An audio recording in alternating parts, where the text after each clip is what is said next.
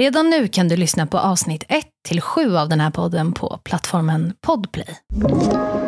Podplay. Om du har en ätstörning just nu, eller har haft det nyligen, så rekommenderar vi att du lyssnar på den här podden tillsammans med någon som kan stötta dig om du blir triggad eller ledsen. Och jag skrev och berättade liksom hur det ligger till med allt och Jag är väldigt trött och gråtit massa idag och det är jobbigt, jättejobbigt här. nu ska jag hem till min kusin som ska ha baby shower, eller hon vet inte om det. Men du Evelina, Ja. alltså jag har tänkt på det för att jag menar när jag var typ 15 år då fanns det ju inte sociala medier och sånt på samma sätt som det gör idag. Nej. Hur, ser du någon skillnad, alltså din kliniska erfarenhet, vad säger den? Har det blivit värre med ätstörningar nu med de sociala medierna eller vad är det för skillnad liksom? Och egentligen så vet jag ju inte om det har blivit värre med ätstörningarna just. Men man kan väl ändå säga så att tonåringar, och ja men alla vi egentligen, Mm. utsätts mycket, mycket mer för jämförelser. Eh, vi är ju liksom gjorda för att jämföra oss med andra i våra grottmänniskohjärnor. Mm. Vi vill ju jämföra oss, vi ska jämföra oss för att vi ska se till att vi inte sticker ut socialt och gör något konstigt eller ser konstiga ut så att vi blir utstötta i flocken och Ja, kanske dör utanför grottan. Men finns det inget sätt att få bort det där på? Jo, det, det är faktiskt genom att bli medveten om att vi, våra hjärnor funkar så att vi hela tiden vill jämföra oss. Mm. Och faktiskt fundera kring, är det bra för mig att följa alla de här kontona som jag följer? Är det någonting jag kan dra ner på? Eller kan jag börja jämföra mig på andra sätt, till exempel? Mm. Men du då, hur känner du att du påverkas när du är inne på sociala medier och så? Mm. Alltså inte alls lika mycket nu som jag gjorde tidigare. Nej. För nu, alltså nu följer jag väldigt få. Mm. Ehm, mest familj och vänner skulle jag säga. Ja. Hur, hur gjorde du förut, tidigare, till exempel under ätstörningen? Ja, men då, dels då så hade jag ett recovery account och det ska vi prata lite Mm. mer om lite senare i det här avsnittet. Men eh, även på sociala medier, alltså jag brydde mig inte om att jag blev triggad av folk och följde liksom influencers som var helt superduper smal och så en Mm. kropp som Victoria's Secret-modell. Alltså sådana konton följde jag mer då. Ja, Men idag tycker inte jag det är intressant. nej. För att jag vet att, alltså jag vet inte vad jag ska få ut av att titta på det. Nej. Hur tror du att det påverkade dig då? Jag tror att det påverkat mig väldigt negativt. Mm. Och det tror jag, alltså vi pratar om att, alltså jag vet att den debatten har varit på tapeten, att, Mm att eh, ja, men sociala medier är inte anledningen till att folk får ätstörningar. Mm. Och nej, så svart och vitt köper jag det. Att Mm. det är inte bara det.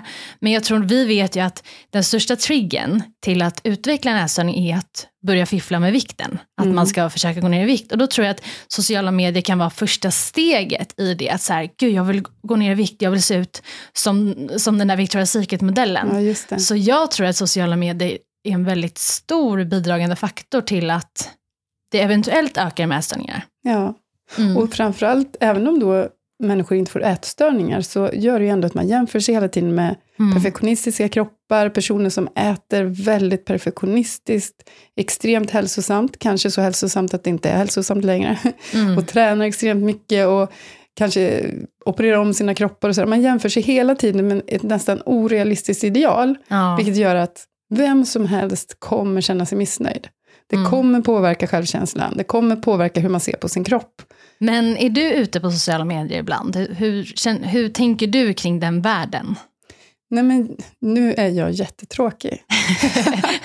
Nej men alltså, det är faktiskt så att jag märker att jag mår inte bra av det. Mm. Så jag följer, jag är väldigt lite ute på Facebook, Instagram och allting. Därför att jag Mm. märker att jag är en sån där som, när jag tittar på andra, inte bara kroppar och sånt, utan andras liv och så, så, så liksom, det blir att jag jämför mig och tänker så men gud, där skulle jag också vilja ha, jag vill också ha en stuga där, eller ett hus i Mm. Frankrike, eller vad det nu skulle kunna vara. Och så blir jag mer Mm. missnöjd med mitt liv. Jag känner mig mycket mer nöjd med mitt liv när jag inte håller på med det faktiskt. Mm. För jag är ju nöjd med mitt liv. Mm. Men om jag hela tiden jämför mig med allas allra bästa, så blir jag ganska missnöjd. Mm. Och märker att jag mår inte så bra av det. Så jag faktiskt in, följer inte så mycket. Jag, tror att det ändå är många som, som känner så. Men man Mm. kanske inte gör det här aktiva valet att sluta vara inne på sociala medier ändå. Nej. Och framförallt bland barn och ungdomar.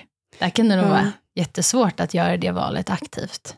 Sen tror jag, det har ju också kanske med personlighet att göra, men jag känner att jag har ju så mycket i mitt liv. Mm. Att jag har inte den möjligheten att lägga den tiden. Men det är klart, det är också ett val Ja, som jag gör. men du följer mig. Jag följer det. Såklart. Ett poddtips från Podplay. I fallen jag aldrig glömmer djupdyker Hasse Aro i arbetet bakom några av Sveriges mest uppseendeväckande brottsutredningar. Går vi in med hemlig telefonavlyssning och, och då upplever vi att vi får en total förändring av hans beteende. Vad är det som händer nu? Vem är det som läcker? Och så säger han att jag är kriminell, jag har varit kriminell i hela mitt liv men att mörda ett barn, där går min gräns. Nya säsongen av Fallen jag aldrig glömmer på Podplay. Och nu ska vi prata lite om recovery accounts-världen. Och det är ju då konton i sociala medier där man som drabbad berättar om sin ätstörning och visar upp sin kamp för att bli frisk. Men så finns det ju de kontona också där man inte alls arbetar för att bli frisk utan man skriver triggervarning i sin profil så att folk vet att om du följer Mm. mig då kommer du få se triggande saker. Ja, men det här är ju ganska vanligt bland de som jag träffar på min mottagning och har gjort genom åren. Att antingen då att man har ett eget konto, Mm. men ännu vanligare då att man följer andra på sådana här konton. Och du har ju faktiskt haft ett sånt här konto, kan du inte berätta? Mm. Ja, men det har jag. Och jag alltså egentligen känner jag att jag vill inte prata om det här. Jag vill inte att folk ska höra att jag har haft ett, för det är skämmigt. Alltså, Mm. Jag kan inte stå för det som jag la upp en gång i tiden. Men jag tycker att det är viktigt att prata om. Men det är ju så när man är inne i sin sjukdom, eh, och det blir liksom allt i, för en, och man Mm. är inne i den där världen, så, så blir det lätt så att man gör saker som man kanske inte skulle gjort om man var frisk, Mm. eh, och sen som man kan ångra sen när man blir äldre. Ja, fy. Eh, men du har ju faktiskt visat mig lite i utbildningssyfte om hur du kan se ut och eh, Mm. visat lite vad du har lagt upp och sådär. Mm. När du var mitt uppe i anorexin. Kan vi inte spela upp lite för lyssnarna hur det kan låta? Jo, det kan vi göra. Eh, och jag tänker att jag ändå här ska varna er som lyssnar för att det kan vara lite triggande att lyssna. Jag har Mm. valt bort material som är mest triggande, men bara så ni har det i åtanke. Alltså oh my god, jag har så fucking ont i magen. Alltså det är helt jävla sjukt. Alltså är det någon som har tips, vad fan ska jag göra? Det... Jag ska till SCA på um, tisdag och då ska de väl checka lite. Och nu sitter jag här och kämpar och får i mig ett glas Då ska jag försöka få i mig i alla fall. Alltså en sak som jag kan säga nu det är att jag aldrig kommer berätta min vikt eller mitt BMI. Jag vet vad det kan orsaka. Alltså, så dum är jag faktiskt inte. Så att alla ni som frågar om det, herregud sluta fråga om det i det här forumet. För det är sånt som är så fucking onödigt att dela med sig av. Nu är det exakt en vecka kvar tills jag blir inlagd. Och jag är så jävla rädd. Alltså jag är framförallt så jävla rädd att vara inlåst. Alltså typ om jag får en panikattack och bara jag måste ut, måste ut. Nej, då kommer inte jag ut. Alltså jag får panik. Jag vill verkligen, verkligen, verkligen, verkligen inte dö. Det känns som att många som har anorexi vill dö. Och jag skrev och berättade liksom hur det ligger till med allt och de hallonen jag köpte till bion gick inte att äta så jag köpte faktiskt nya. Jag har kommit hem till lägenheten nu efter att ha varit på Ikea och fixat lite grejer. Och gud, jag känner mig döende. Alltså jag höll på typ att svimma i bilen igen. Och alltså jag skäms så mycket nu Evelina, jag orkar inte. Nej. Nej. Ja, men jag förstår att det är jobbigt att lyssna på du. För att jag kan tänka mig att det är nästan som att Mm. det är en annan person och en annan tid och att det nästan inte varit Absolut. du. Mm, absolut, för det här skulle, det finns ju inte en chans att jag skulle lägga upp det här idag. Eller Nej. något liknande. Nej. Och det blir ju så när man är så svårt sjuk i en nätstörning Mm. och hjärnan är i svält, så fungerar den ju inte riktigt som i vanliga fall. Så det Nej. kan bli svårt efteråt att förstå att, att var man verkligen så här inne i det och hur kunde det fungera så? så? Men det, det är så det kan bli vid en nätstörning. Det är så här. Mm. Men varför skaffar du ett sånt konto, tänker du nu? Ja, men, jag skaffade mitt konto när ingen visste att jag var sjuk i en ätstörning. Och så att jag lite, lite halkade in i den världen. Det kom liksom upp något och sen började jag följa och så fortsatte jag och så skapade jag ett eget sånt konto för att bara kunna följa ätstörda konton. Liksom. Mm. Em, så jag var ju i den världen i flera år. Och Mm. jag kan säga att det blev faktiskt väldigt beroendeframkallande för mig och kanske framförallt då för min ätstörning. Den Mm. ville vara där inne och se. Det var faktiskt så att där inne kunde jag liksom prata med folk som ändå förstod mig.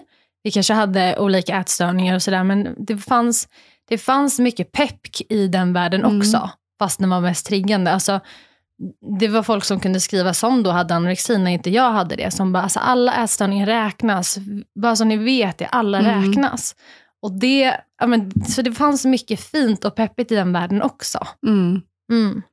Men, men liksom, för jag tänker så här, att man är ju, när man är inne i det där så finns det ju någonting som, som, som man kallar på terapeutspråk då, förstärker att Mm. man är där. Och det är väl de här peppiga kommentarerna och känslan av gemenskap och kanske att man förstår varandra. Här är det någon som förstår varför man gör det här. Ja, precis.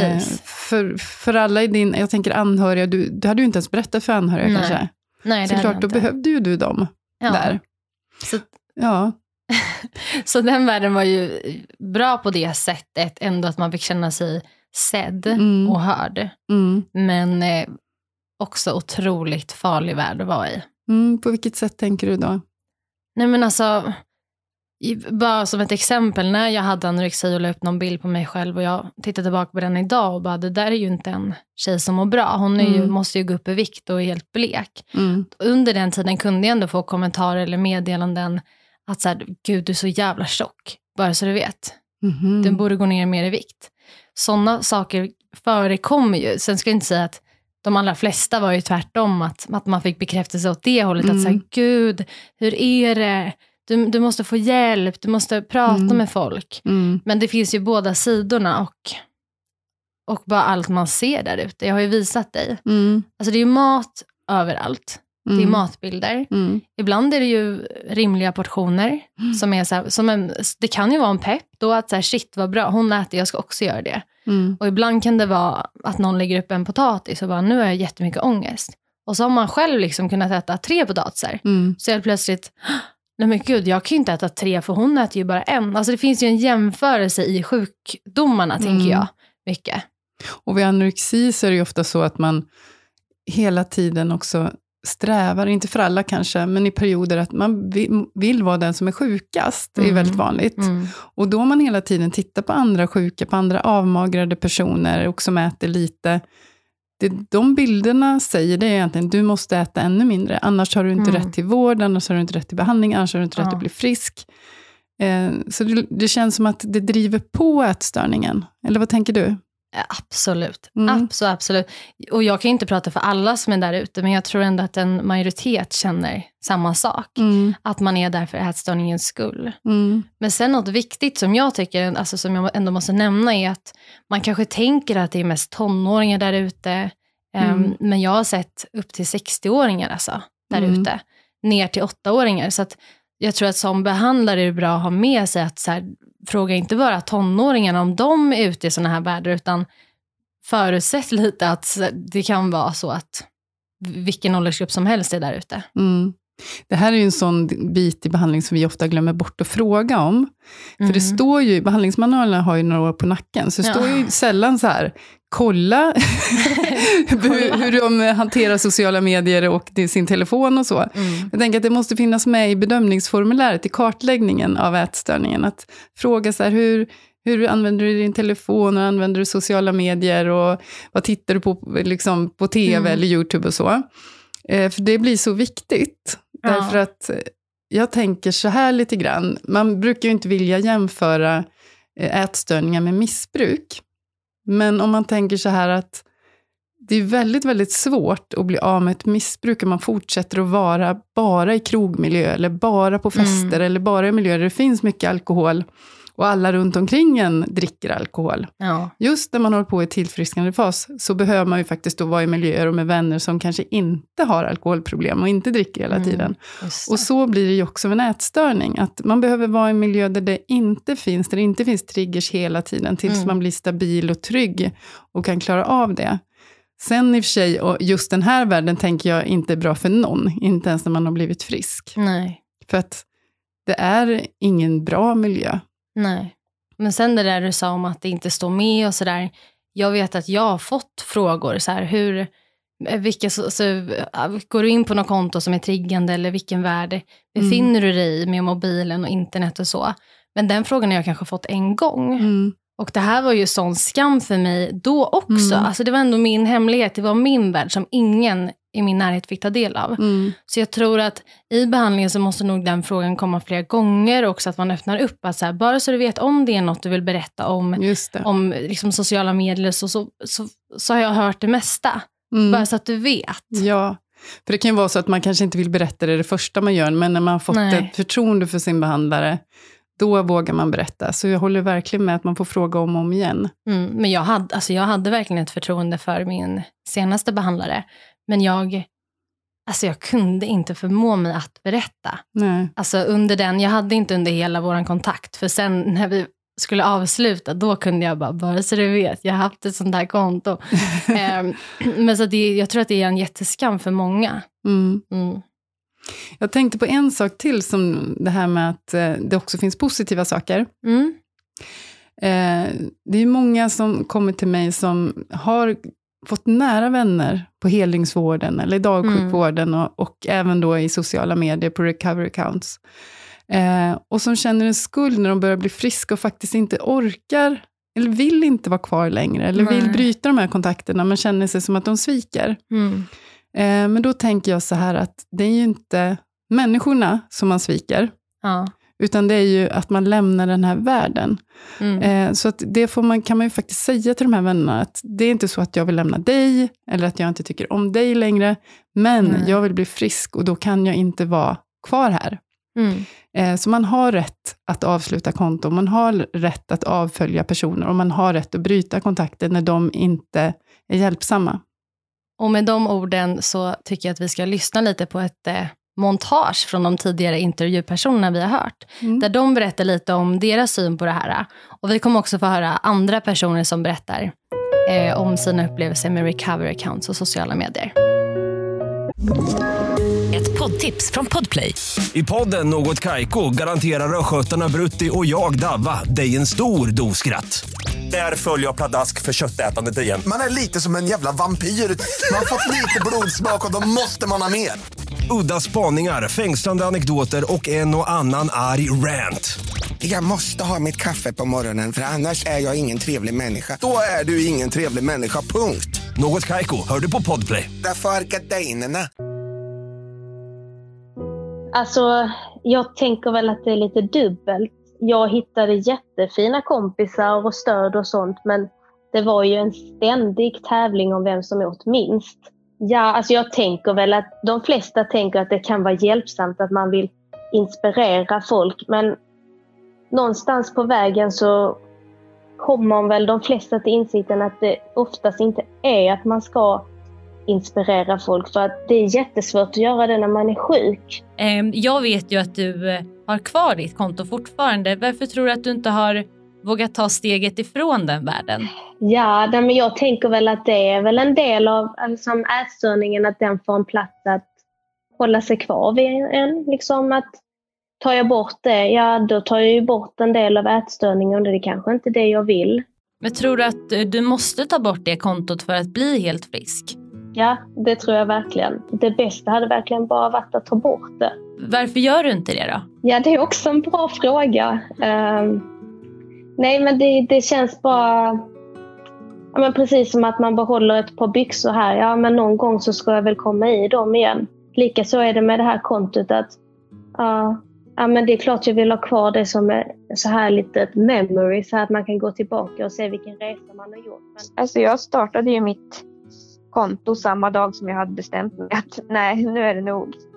Så då startade jag det där Instagram-kontot då den dagen Mm. och tänkte att ja, jag kommer att få motivation av att visa att jag kan klara det. Så jag, start, jag hade ju rätt i det, för jag startade ju kontot och jag fick så himla mycket fin respons och folk som skrev liksom peppade och sånt där.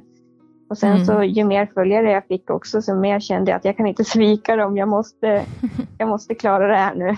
Mm. Och det känner jag verkligen att det har hjälpt jättemycket. Eh, jag är ju själv eh, med i det. Jag är inte jätteaktiv i det, men jag följer väldigt många i det. Jag tror att det är för att man söker en gemenskap, kanske ett forum där man får prata ut med samma som har men kanske liknande besvär och Eh, jag kan gärna sitta och det känns jättehemskt att säga det, men gud, jag önskar att jag hade anorexi och kunde se ut så. Istället för att jag går upp allting som jag stoppar i munnen. Mm. Kan man inte bara liksom 50-50? Kan vi, jag tar lite av din anorexia och du tar lite av min hetsättningsstörning så delar vi på det. Mm. Eh, så för mig triggar det igång, då skäms jag ännu mer hur jag ser ut. Gud vad jag önskar att jag såg ut så. Eh, samtidigt, vare sig de, om du har anorexi eller om du är vältränad, det är så jävla mycket fitness på eh, sociala medier som är just nu. Det är mycket dieter, det är mycket tävlingar just nu. Det enda man ser. Så jag har nästan börjat avfölja några för att jag inte ska sitta där i soffan och känna för fan vad jag är värdelös. Jag kan lika bra äta, jag kommer ändå inte gå ner i vikt. Jag förstår idén att man ska peppa varandra. Eh, men om man går in och tittar på väldigt många av dem så är de supertriggande. Jag känner liksom att nej, jag kan inte gå in och titta på när folk liksom så här la ut en potatis och, och, och var helt liksom, hade panik över det. Det är liksom inte en, eh, normalt. Det är inte normalt att fota alla sina måltider. Det är inte normalt att diskutera sin, all, allt man äter med andra människor. Det är ju absolut inte ett friskt forum. Eh, idag så skulle jag ändå säga att det är ett bättre forum än vad det var tidigare. Det är ändå lätt att man kan dra ner varandra och Eh, trigga varandra.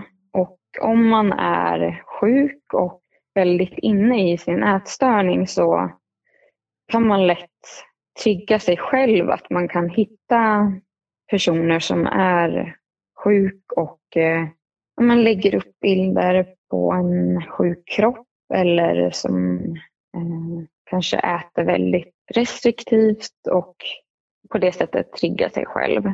Finns det något negativt eh, med ditt konto skulle du säga?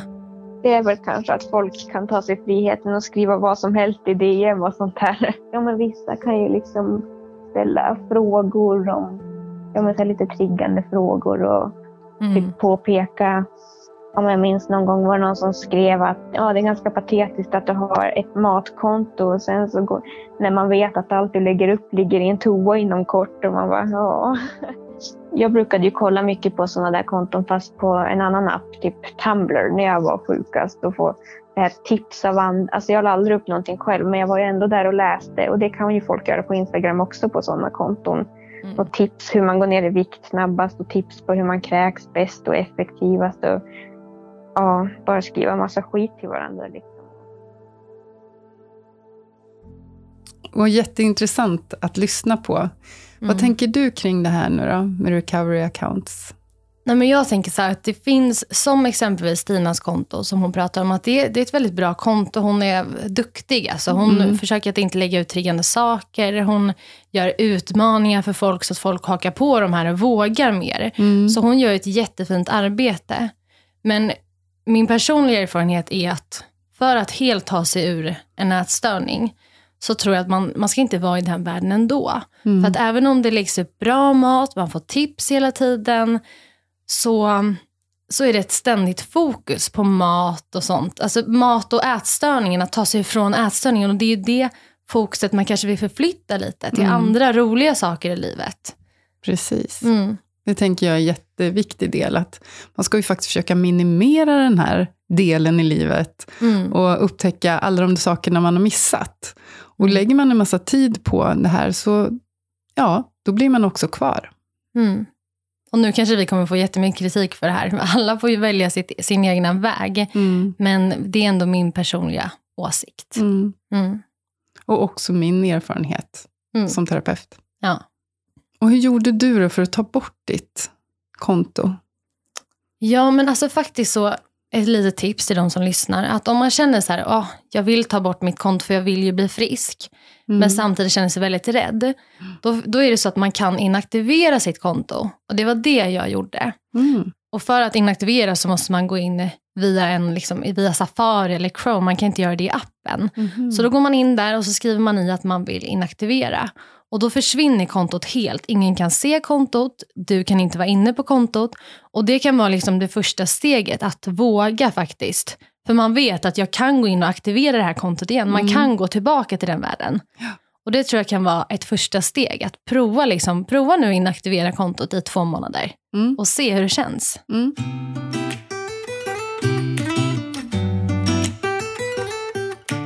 Och det var allt för dagens avsnitt. Och kom ihåg att oavsett hur du ser ut eller vilket BMI du har så är det viktigt att du söker vård om du upplever att du har en ätstörning eller ätproblematik. Och lita på din känsla och din upplevelse. Många får ett oprofessionellt bemötande inom vården och då är det viktigt att fortsätta be om hjälp. Vill du ha stöd eller någon att prata med så kan du vända dig till Frisk och Fri, kedo.se eller ätstörningszonen.se. I nästa vecka kommer du som lyssnar få ta del av min resa med ätstörningar.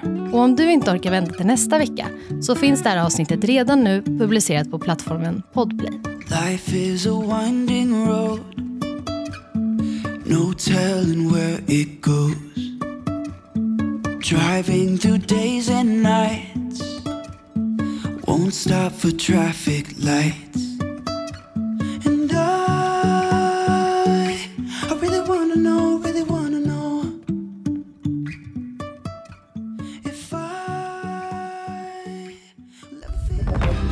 Podplay, en del av Ett poddtips från Podplay. I fallen jag aldrig glömmer djupdyker Hasse Aro i arbetet bakom några av Sveriges mest uppseendeväckande brottsutredningar. Går vi in med hemlig telefonavlyssning och, och då upplever vi att vi får en total förändring av hans beteende. Vad är det som händer nu? Vem är det som läcker? Och så säger han att jag är kriminell, jag har varit kriminell i hela mitt liv men att mörda ett barn, där går min gräns. Nya säsongen av Fallen jag aldrig glömmer på Podplay.